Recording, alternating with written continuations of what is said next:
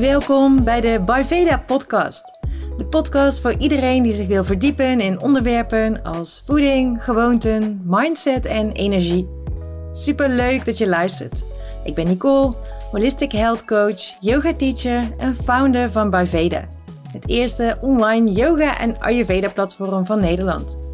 Met heel veel liefde en enthousiasme deel ik kennis, tips en tools die jou helpen om mee te bewegen met de flow van het leven en die je ondersteunen om zelf de juiste keuzes te maken en stappen te zetten voor een happy en healthy body, mind en soul. Deze aflevering gaat over self-care. Iets waar ik van nature helemaal niet zo goed in ben, maar de afgelopen jaren wel enorme stappen in heb gezet. En ondanks dat ben ik er nog lang niet. Ik heb nog een hele self-care weg te gaan. Maar in deze aflevering ga ik je meenemen in mijn eigen self-care struggles en die van mensen om me heen. Ik ga je vooral praktische tips geven waarmee ook jij stap voor stap steeds beter wordt in selfcare. Want selfcare is veel meer dan af en toe een bad gaan liggen of een massage boeken. Selfcare gaat over voeding, dingen doen waar jij energie van krijgt, luisteren naar de behoeften van je lichaam, maar ook over de manier waarop je tegen jezelf praat. En selfcare begint bij weten wat jij nodig hebt. Selfcare, oftewel voor jezelf zorgen, is natuurlijk lastig als je totaal geen idee hebt hoe het nu echt met je gaat. Wat je nodig hebt of waar je blij van wordt. Daarom is mijn allereerste selfcare tip: neem een moment om te luisteren naar je lichaam en je mind. mediteren is daar een heel goed tool voor. Ik ben zelf begonnen met mediteren na een hersenschudding, een jaar of vijf geleden. En bij een ongeluk met mijn fiets klapte ik met mijn hoofd op de stoeprand en ben ik af, bewusteloos afgevoerd naar het ziekenhuis. Naast heel veel pijn was het vooral heel erg vervelend dat mijn hersenen niet meer normaal functioneerden. Mijn geheugen liet me vaak in de steek. Dus als iemand iets vroeg, dan wist ik vaak wel dat het antwoord ergens in mijn hoofd zat, maar was het een beetje alsof ik er niet echt bij kon komen. Als ik bij een stoplicht auto's voorbij zag rijden of de trein op het station wegreed terwijl ik stil zat op een bankje, dan werd ik daar heel misselijk van. En als ik heel lang achter mijn laptop zat, ook heel vaak heel duizelig. En dat is niet zo praktisch als je ondernemer bent en uh, er niet zoiets is als je ziek melden. Ik had helemaal geen tijd om te herstellen en ik wilde zo snel mogelijk weer door. Mediteren was voor mij vooral een tool om mijn hersenen zo snel mogelijk fysiek te genezen. En al heel snel ontdekte ik een fijne bijwerking van mediteren. En dat is namelijk dat ik veel beter wist hoe ik me echt voelde. Door te mediteren sta je ook Even stil bij je lijf, bij de plekken waar je spanning voelt, lichaamsdelen die wat extra aandacht nodig hebben. En wat ik heel veel deed in die tijd is een bodyscan. En het was echt super fijn om te doen. Daarbij stelde ik me dan voor hoe een soort van hele brede laserstraal van voor naar achter door mijn lichaam ging. Dus heel langzaam van mijn hoofd, helemaal naar beneden, naar mijn tenen, en ik had dus heel veel last van mijn hoofd. Dus vaak echt bonkende hoofdpijn. Maar door die bodyscan realiseerde ik me dat het eigenlijk maar een heel klein stukje van mijn lichaam is. Dat stukje waar wel steeds al die aandacht naartoe gaat. Maar die andere 90% voelde vaak eigenlijk helemaal oké. En daar werd ik dan toch een beetje blij van, waardoor zelfs de pijn in mijn hoofd wat zachter werd. En door te mediteren kan je bijvoorbeeld opmerken dat je kaken stijf aanvoelen. Dat is vaak een teken dat je veel spanning vasthoudt. Dus dat is iets wat veel mensen ervaren als ze heel erg gestrest zijn. Dan misschien merk je op dat je buik een beetje opgeblazen is omdat je iets hebt gegeten waar je spijsvertering toch niet zo heel erg blij van wordt. Vaak voel je ook pas als je even uit die steeds maar doorgaan mode stapt, hoe moe je bijvoorbeeld echt bent. En van die kleine signalen van je lichaam die je snel over het hoofd ziet als je steeds maar bezig bent. En je aandacht steeds naar externe prikkels gaat of naar een oneindige stroom van gedachten. Mediteren geeft je inzicht in de emoties die je ervaart en waar die vandaan komen. Het geeft je de tijd om alle indrukken van de dag even te verwerken en daardoor die stroom aan gedachten langzaam steeds wat rustiger te maken. En precies daar gebeurt dus ook nog iets heel interessants. Want hoe stiller je mind wordt, hoe meer je kan luisteren naar dat stemmetje heel diep van binnen. Jouw intuïtie, dat stemmetje dat eigenlijk al precies weet wat jij nodig hebt. En hoe fijn mediteren ook is, het kan nog simpeler en sneller. Ik heb er een gewoonte van gemaakt om elke ochtend even in te checken. Meteen first things first, zodra ik wakker word. Meestal zelfs nog voordat ik überhaupt mijn ogen heb geopend. En hoe dan? Hoe doe je dat dan? Nou, dat kan je doen door bijvoorbeeld één hand op je hart te leggen en één hand op je buik. Of misschien juist allebei je handen op je hart of allebei je handen op je buik. Dus doe vooral wat goed voelt voor jou. En herhaal dan een paar keer heel rustig en diep adem. Waarbij je analyseert hoe jij je voelt. Dat kan ook met een bodyscan zijn, waarbij je je lichaam van top tot teen of andersom scant. Om te analyseren of er dingen zijn die opvallen in je lijf.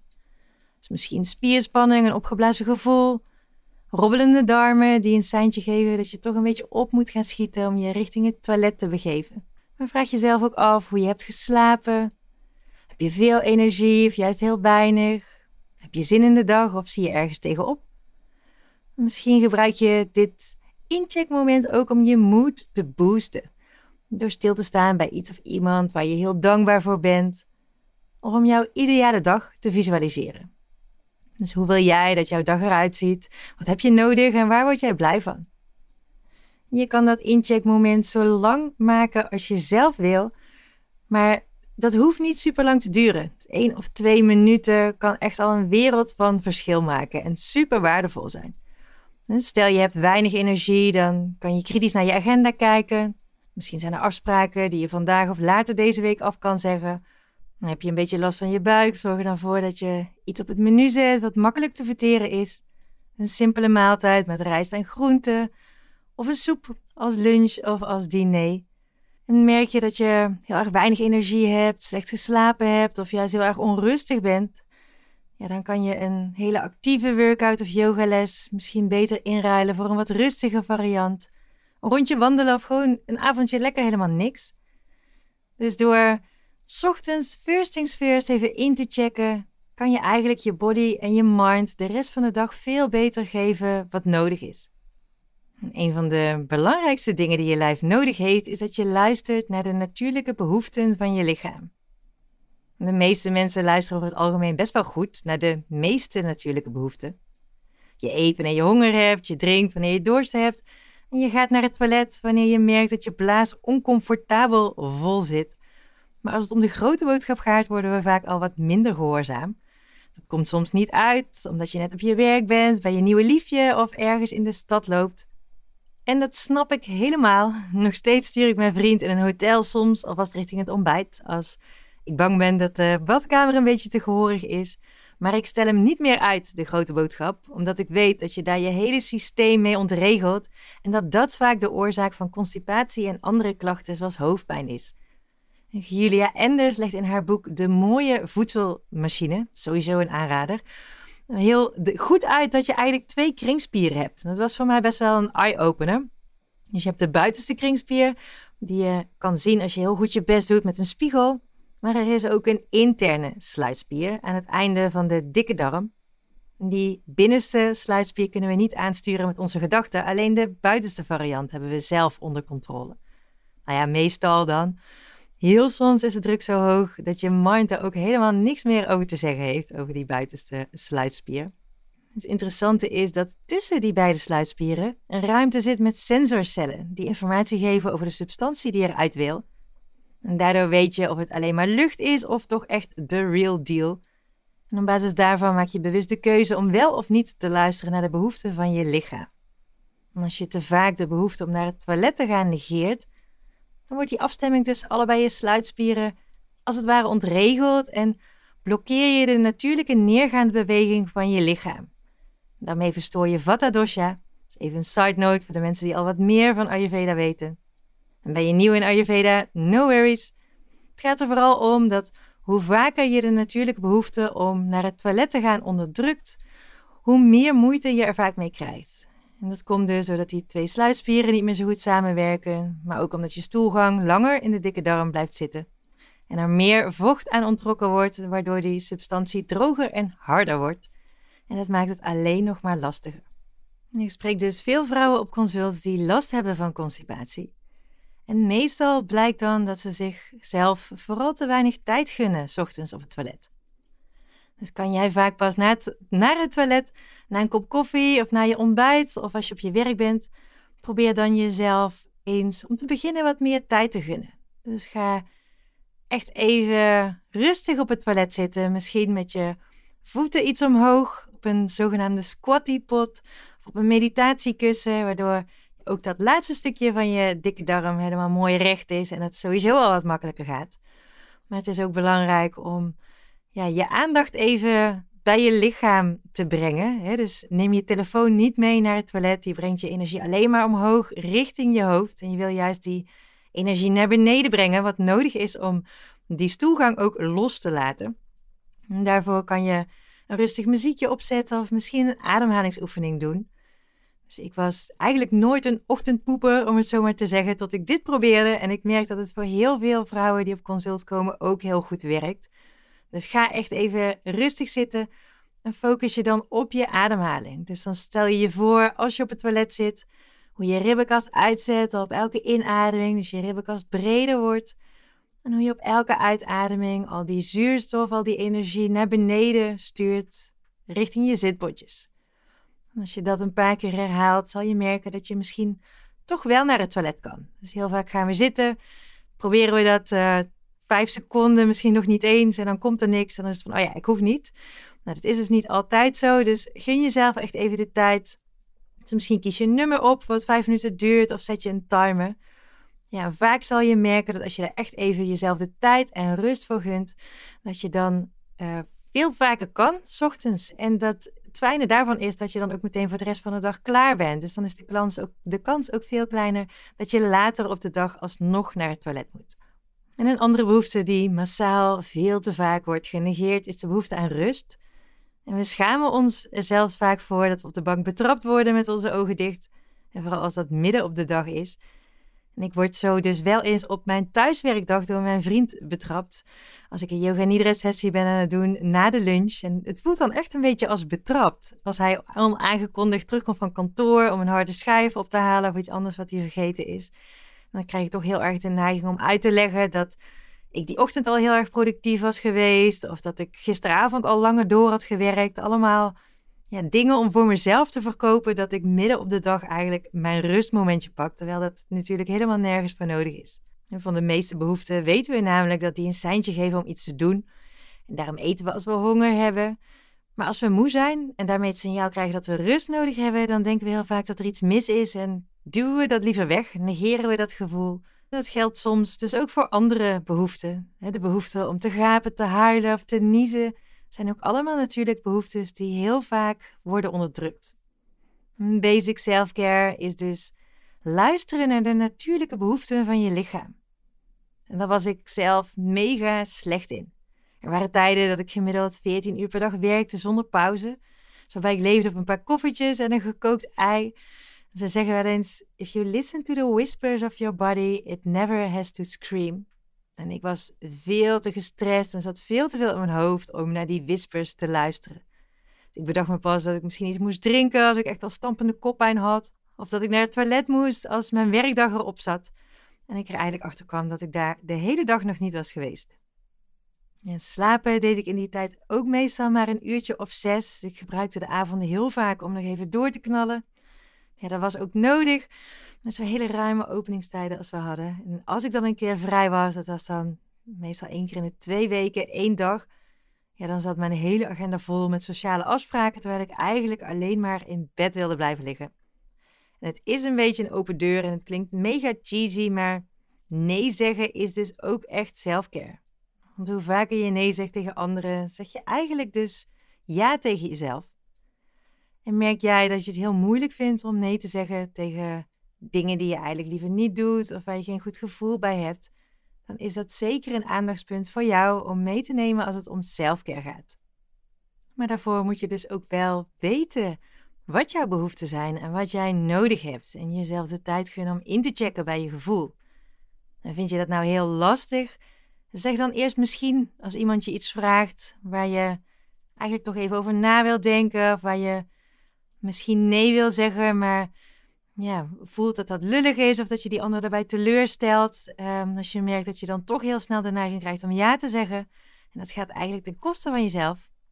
En zeg dan gewoon misschien of zeg laat me er even over nadenken. En dan daarmee gun je jezelf eigenlijk wat tijd om even in te checken en luisteren naar wat goed voelt voor jou en waar jij blij van wordt. Ja, en selfcare gaat natuurlijk ook over de brandstof die je aan je lichaam geeft. Dus in de vorm van voeding, zuurstof en zonlicht. Maar ook de prikkels die je binnenkrijgt via internet, tv en de mensen waarmee je omgaat. Selfcare gaat om meer dingen doen waar je energie van krijgt en minder dingen doen die juist energie vreten. En selfcare is daarom ook werk doen wat bij je past, waar je blij van wordt en waar je energie van krijgt. Je kan nog zo goed slapen en gezond eten en elke dag op je yogamat staan. Als jij 30 of 40 uur per week iets doet waar je absoluut geen energie van krijgt, dan voel jij je waarschijnlijk niet zo tof en dan kunnen al die self-care practices dat ook niet compenseren. Dus een hele fijne oefening hiervoor is om een lijstje te maken van de dingen waar je energie van krijgt en blij van wordt. En een lijstje van de dingen die juist heel veel energie kosten en je minder happy maken. Het energieslurpers zijn voor mij bijvoorbeeld scrollen door Instagram. Dat is misschien wel de allergrootste. Maar ook te veel, te veel bezig zijn met wat anderen vinden, met wat er mis kan gaan, met heftige discussies, alle negativiteit van het nieuws. Maar ook te laat naar bed gaan of juist te lang, meestal eraan gekoppeld, te lang in bed blijven liggen. En heel veel dingen tegelijk doen. Dus proberen te multitasken, terwijl ja, dat er eigenlijk vooral voor zorgt dat ik heel veel dingen half doe en dingen vergeet snel en ook uh, ja, heel snel ben afgeleid. En dat is juist uh, niet productief um, en dat uh, ja, maakt dan weer iets minder blij en gelukkig. Ik krijg juist heel veel energie van zonnestralen op mijn gezicht. Dat is echt mijn all-time favorite. Dus als de zon schijnt, dan probeer ik ook elk moment even naar buiten te gaan. Dus elke dag een paar van die momenten te pakken even een kleine wandeling te maken, even een boodschap te doen buiten de deur of even een koffietje of een theetje buiten, zittend aan de tuintafel. Eventueel met een dikke jas aan en een sjaal om, maar in ieder geval heel even fijn die zon te voelen. Maar ook gezonde maaltijden koken, daar kan ik heel blij van worden. Dan heb ik echt het gevoel dat ik heel goed voor mezelf zorg. Ja, en dat geldt dan alleen als ik niet hoef te haasten of al omval van de honger, want dan wordt het in één keer een stuk minder relaxed om te doen. Ja, fijne muziek uh, vind ik ook heel fijn. Het kan echt heel veel doen voor mijn energie. Dus ik gebruik heel vaak playlists om mijn mood te boosten. En kan ik heel blij worden van creëren, van fotograferen, van schrijven, van sequences en thema's uitwerken. Maar ook simpelweg een warm bad. Dat blijft toch een van mijn ultieme ontspanningsmomenten. En ik krijg ook heel veel energie van goede gesprekken, nieuwe dingen leren, knuffelen met onze katten Pickles en Bumper en met alle lieve mensen om me heen. En bijna alle aspecten van mijn werk op een hele technische shizzle na. Ik ben dus wel benieuwd, dus waar krijg jij energie van? Het is misschien mooi om daar heel even bij stil te staan. Misschien zet je deze podcast zelfs even op pauze of pak je er pen en papier bij om die twee lijstjes even te maken. Dus één lijstje met dingen waar je energie van krijgt en één lijstje met dingen die heel veel energie kosten, waar je voelt dat je op leeg loopt. Want als jij weet waar je energie van krijgt en wat juist energie slurpt, dan kan je vervolgens proberen om je dagen en weken zo te organiseren dat je iets meer van het hier krijg ik energie van lijstje toevoegt en minder tijd besteedt aan energieslurpers. En misschien zet je dat lijstje met dingen waar je energie van krijgt, zelfs als screensaver op je telefoon, als reminder of schrijf je het in een post-it ergens op je spiegel of op je laptop. En dan last but zeker not least, de manier waarop je tegen jezelf praat. Want ook dat is selfcare. En soms ben je zelf een van je grootste energieslurpers. En dit is ook meteen een van mijn grootste selfcare struggles. En daar werd ik me eigenlijk pas bewust van aan het begin van mijn yoga therapy opleiding, zo'n twee jaar geleden.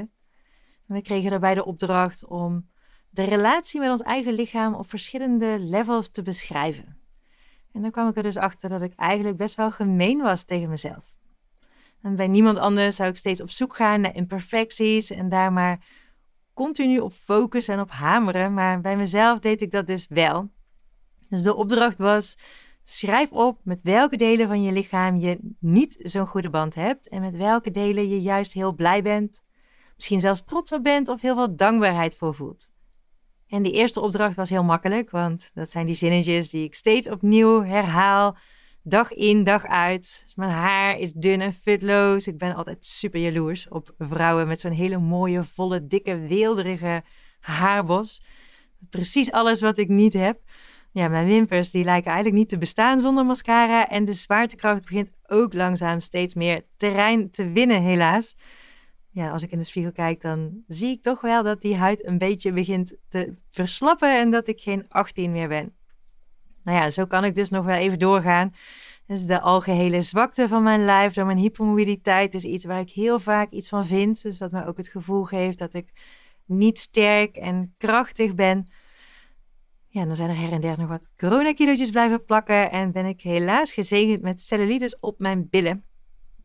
Ja, soms kijk ik dan dus ook in de spiegel hoe het eruit zou zien als dat allemaal net wat anders zou zijn. Als mijn gezicht wat strakker was, mijn benen iets dunner of als die love er niet zouden zitten, die trek ik dan een beetje naar achter om te kijken hoe mijn ideale buik eruit zou kunnen zien. En ik heb zelf zelfs regelmatig kleding gekocht op de krimp. Dat is eigenlijk precies het tegenovergestelde wat ouders met kinderen vaak doen. Die kopen kleding op de groei. Maar wat ik dan eigenlijk deed, is dan, dan zag ik iets, dan bestelde ik iets online in een winkel en dan ja, was die maat een beetje twijfelachtig. En dan hadden ze iets wat ik leuk vond, niet in mijn maat. En dan dacht ik, ja, dan bestel ik het in een maat kleiner. Misschien dat het dan toch past. Ja, dan komt zoiets soms binnen en dan pas je dat aan en denk je, ja, is eigenlijk superleuk, maar het past er net niet in. Die knoop gaat net niet dicht, die rit gaat net niet dicht. Ja, dan heb ik dus wel eens zo'n kledingstuk gewoon toch gehouden in de veronderstelling, ja, maar straks komt er wel een moment dat ik daar toch in ga passen. Als ik wel die discipline heb om die paar kilo's te veel aan te pakken, bijvoorbeeld. Nou ja, je raadt het misschien al. Die dingen die hangen nog steeds in de kast. Die heb ik nooit aangehad. Dus, en dat is dus ook echt een no-go als het om selfcare en zelfvertrouwen gaat. Maar goed, je hoort het al. Ik had dus best wel snel een lijstje met dingen waar ik eigenlijk niet zo blij mee was. En dan heb ik zojuist nog niet eens het hele lijstje opgenoemd. Ja, en dat zijn meteen ook de speerpunten van mijn inner critic of innerlijke criticus, zoals die ook wel genoemd wordt. Dus dat stemmetje in je hoofd dat zo goed is en alles afzeiken en altijd wel iets vindt om commentaar op te leveren. Nou, het tweede deel van de opdracht was vooral een eye-opener. De opdracht was: schrijf op met welke delen van je lichaam je heel blij bent, misschien zelfs trots op bent of heel veel dankbaarheid voor voelt. In het begin was dat een beetje onwennig, en bijzonder ook om te merken dat het zo onwennig voelt. Want ja, ik realiseerde me dus dat ik helemaal niet gewend was om naar die delen van mijn lichaam te kijken, om me daarop te focussen. Maar toen ik daar eenmaal aan begon, ontstond daar een hele waslijst die uiteindelijk nog veel groter en langer was dan mijn eerste lijst. ik ben dus niet zo blij met het volume van mijn haar. Maar ik ben wel heel blij met mijn haarkleur. Met het feit dat mijn haar zo zacht en glanzend is. En dat ik nog maar twee grijze haren heb ontdekt. Die heb ik er dan wel weer uitgetrokken, eh, overigens. Ehm, een soort van ontkenningsfase, denk ik. Maar ik ben verder ook heel blij met de verhoudingen van mijn lichaam. Met de kleur van mijn ogen. Dat is een van de weinige dingen die ik qua uiterlijk van mijn vader heb. Dus dat is een hele mooie mooie link naar uh, mijn oorsprong waar ik vandaan kom. Ik ben heel blij met mijn huid, die eigenlijk nooit pukkeltjes heeft en heel snel bruin wordt, zelfs in de schaduw. Dus ik hoef daar totaal geen moeite voor te doen. En ik heb verder mooie, sterke, rechte tanden. Daar heeft de orthodontist een beetje voor mee geholpen. Die had ik van nature niet, maar ik ben er wel heel erg blij mee. En ik ben ook heel blij met mijn onuitputtelijke bron van energie, mijn gedrevenheid, mijn ijzersterke intuïtie en met de gezondheid van mijn lijf. Dus mijn lichaam dat het mogelijk maakt om overal heen te gaan, zoveel leuke dingen te doen, te ervaren, te beleven, te kunnen ontdekken, reizen, dansen, knuffelen. Al die leuke dingen van het leven die we eigenlijk zo vaak maar voor lief nemen. Van ja, dat is er altijd. En dat merk je vaak pas als je even uit de running bent, omdat je ziek bent of geblesseerd bent bijvoorbeeld. En dan, ja, dan pas besef je eigenlijk wat je mist en wat je normaal altijd hebt, wat dus zo vanzelfsprekend is. Dus uh, ja, mocht je het moeilijk vinden om dingen op te sommen, dan zijn dat inderdaad hele belangrijke, belangrijke punten om bij stil te staan. Het simpele feit dat je hart gemiddeld 70 keer per minuut klopt. En dat gewoon 24 uur per dag, zeven dagen in de week, je hele leven lang. Ja, dat is alleen al iets om heel erg dankbaar voor te zijn. Dus wat zeker ook op dat lijstje moet. Nou goed, ik kan zo nog wel even doorgaan, maar het voelt heel awkward om een hele lijstje hier op te gaan noemen. Maar vanaf dat moment in mijn yogatherapieopleiding besloot ik dus om die inner critic, dat stemmetje dat de hele tijd alles afzeikt, wat vaker de mond te snoeren en veel meer te focussen op dat lijstje met pluspunten. En ook om uh, daaraan gekoppeld wat vaker een complimentje te geven. Dat wil niet zeggen dat er nooit meer een negatieve gedachte oppopt, maar ja, het begint al met het feit dat ik me daar bewust van ben. En ja, als er dan weer zo'n negatieve gedachte oppopt of zo'n rotopmerking van die inner critic, dan ben ik nu in staat om tegen mezelf te zeggen: stop. Nee, dit gaan we niet herhalen. Hier schiet je helemaal niks mee op. Kijk nog maar een keer opnieuw in de spiegel. En dat doe ik dan. Dan kijk ik nog een keer opnieuw in de spiegel. Dan heb ik me dus aangewend om dan iets uit te kiezen van het lijstje met positieve dingen. En mezelf op basis daarvan een complimentje te geven. En dat is echt onwijs goed voor je moed. Je zal echt merken als je dat probeert ja, dat je daardoor in één keer een heel stuk beter voelt dan wanneer je ja, eigenlijk jezelf de grond in praat door de hele tijd maar die inner critic aan het woord te laten. Ja, wat ook helpt om ja, wat meer te relativeren. Hè? Dus als die inner critic inderdaad dan toch weer dat stemmetje oppopt met hey, die coronakilo's, die moeten er nu toch eindelijk eens af ja, dan probeer ik dat ook te relativeren door mezelf ook te zeggen van ja, weet je, ik ben bijna 40. Ik ben dus lang geen 18 meer, dus ik hoef me ook niet te vergelijken met het lichaam wat ik toen had. Dat was inderdaad 10 kilo lichter. En ja, die paar kilo te veel. Ja, te veel is eigenlijk ook iets wat je tussen aanhalingstekens moet zetten, want wie bepaalt dat eigenlijk? Maar goed, die paar kilo, die, ja, je misschien liever kwijt dan rijk bent. Dat zijn vaak wel precies al die gezellige etentjes, die wijntjes met vrienden, die kleine geluksmomentjes met een stuk chocola of iets lekkers op de bank. Ja, en dat is dus ook een bewuste keuze. En voor mij is dat het ook waard. Het is voor mij niet waard om al die momenten te schrappen voor ja, een lichaam dat misschien vijf kilo lichter is. Dat, uh, daarvoor ben ik die, zijn die momenten mij te dierbaar. Die wil ik daar niet voor laten staan. Dus als ik dan die paar kilo te veel zie, zoals het dan toch nog steeds in mijn hoofd zie, zit, dan denk ik daaraan. Van hé, hey, het, is, het is een bewuste keuze en het is goed zo. Het is helemaal goed zoals ik ben. Ik ben blij met de keuzes die ik uh, daarvoor maak. Maar jezelf complimentjes geven helpt dus enorm en dat probeer ik nu elke dag te doen. En weet je wat het leuke is? Dat hoe vaker je het doet, hoe beter je erin wordt. Dus in het begin moet je er heel lang over nadenken en voelt het misschien een beetje fake. Maar ja, hoe vaker je het hoort, hoe meer je het ergens ook nog gaat geloven of echt gaat voelen. Ja, het is ook een enorme mood booster. Ik denk namelijk dat er niemand is die elke dag in de spiegel kijkt met een gevoel van: oh wauw, wat zie ik er fantastisch uit. Ja, en als ik dus in de spiegel kijk en ik voel zo'n gevoel opkomen, ja, dan shift ik dus meteen naar die pluspunten. Voel ik me in één keer een heel stuk beter. En dat werkt niet alleen zo met lichamelijke eigenschappen, maar ook als het om karakter gaat. dus heb je bijvoorbeeld een stemmetje in je hoofd dat steeds zegt dat je niet goed genoeg bent. Misschien niet goed genoeg als moeder, als collega, als partner of als ondernemer. Ja, shift dan je aandacht naar de dingen waar je juist wel heel goed in bent. Dus roep herinneringen op aan momenten waar je heel trots was op jezelf of waar je heel blij en gelukkig was. Maar echt, dat helpt. Probeer maar. een oefening die ik mensen vaker laat doen, is dus die twee lijstjes maken. Dus één lijstje van delen van je body en mind waar je van baalt of niet zo blij mee bent. En één nog vele langere lijst van alles waar je wel blij mee bent. Misschien zelfs trots op bent of veel dankbaarheid voor voelt. Ik merk dat veel vrouwen en misschien ook sommige mannen dat laatste lijstje weer heel erg lastig vinden. En dat bleek onlangs ook op een retreat waar ik een yoga nidra sessie gaf waar deze oefening in verweven zit. Een sessie die veel losmaakte bij de deelnemers. En deze yoga nidra sessie, Embrace Your Inner Critic, staat inmiddels overigens ook online op het platform. Dus die zal ik even toevoegen in de show notes, mocht je hier graag mee willen oefenen. Maar even terug naar mijn verhaal.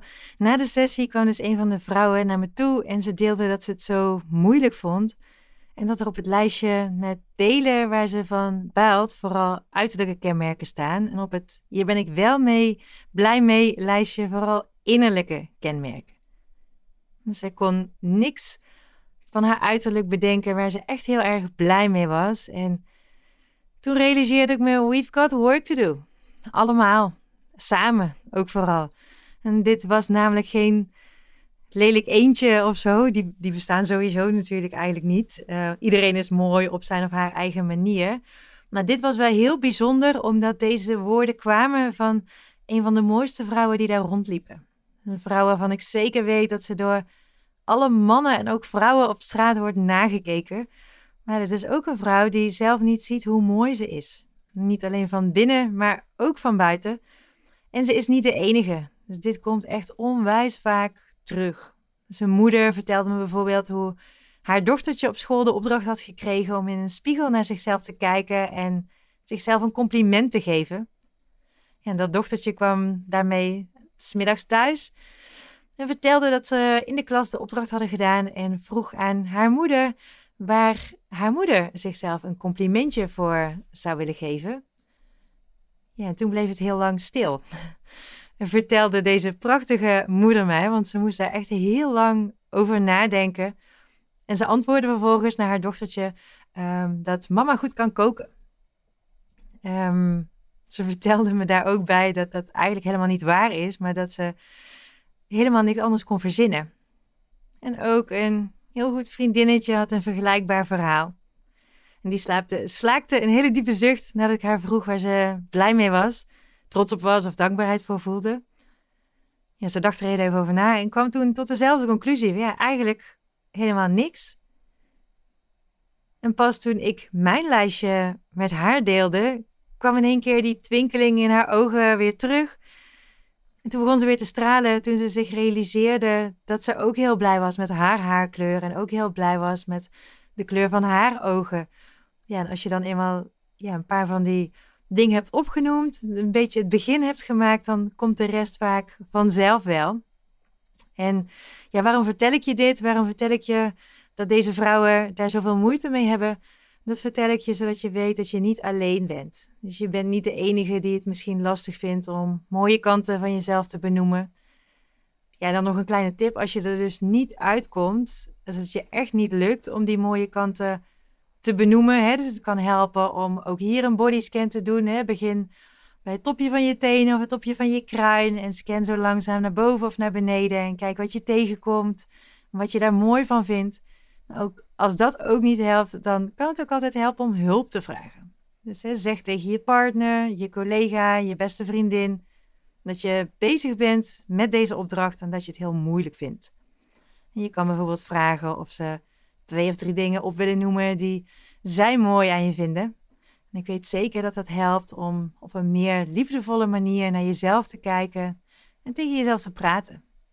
En ben je nou al heel erg blij met jezelf? Herken jij helemaal niks van die inner critic? En ben jij een ster in jezelf complimenten geven?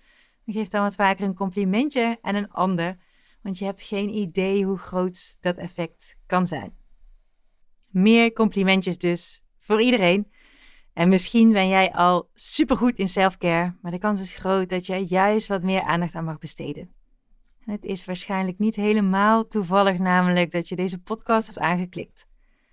En mocht je nou niet zo goed zijn in selfcare, denk je dan wat in dat geval de eerste stap is die jij morgen gaat zetten om beter voor jezelf te zorgen. Dus misschien begin jij je dag met een incheckmoment, met een meditatie of simpelweg één of twee minuten om stil te staan bij wat jij nodig hebt en hoe jij je voelt. Misschien ga je beter luisteren naar de behoeften van je lichaam door jezelf ochtends wat meer tijd te gunnen op het toilet of door simpelweg naar het toilet te gaan als je daar ook echt de aandrang of de behoefte voor voelt. Misschien pak je juist wat meer rust, ga je morgenavond extra vroeg naar bed. Maar een eerste stap voor meer selfcare kan ook zijn een lijstje maken van dingen waar je energie van krijgt, dingen die je juist energie kosten. Zodat je kan kijken hoe je meer van het hier krijg ik energie van lijstje in je dag of in je week kan toevoegen. En meer energieslurpers kan schrappen. Vaker nee zeggen dus tegen mensen en dingen waar je niet blij van wordt. Ja, misschien ben jij zelf je grootste energieslurper. Dan mag je vooral jezelf wat meer selfcare gunnen door liever voor jezelf te zijn. Door te focussen op alles waar je blij mee bent. geef je jezelf vanaf nu elke dag een complimentje. Dus neem echt even een moment om te bedenken wat jij morgen anders zou willen doen. Misschien merk je dat er heel veel dingen zijn die je zou willen veranderen als het om selfcare gaat. Begin klein. Kies één ding uit dat je vanaf morgen, of misschien zelfs vanaf nu anders gaat doen. En laat me weten. Ik ben super benieuwd wat jouw eerste stap naar meer selfcare gaat zijn. Dankjewel voor het luisteren. Vond je deze podcast waardevol? Laat me dan vooral weten via een berichtje op Instagram. Ik ben heel erg benieuwd wat je van deze podcast hebt geleerd. En heb je vragen of een onderwerp waar je graag meer over zou willen horen? Let me know. Misschien kan dat een onderwerp zijn voor een van de volgende afleveringen. Super lief als je de podcast deelt op social media of doorstuurt naar iemand die hier ook inspiratie uit kan halen. Je helpt me enorm door een review achter te laten. En abonneer je op deze podcast als je geen aflevering wil missen. Een hele fijne dag nog en heel graag tot een volgende aflevering.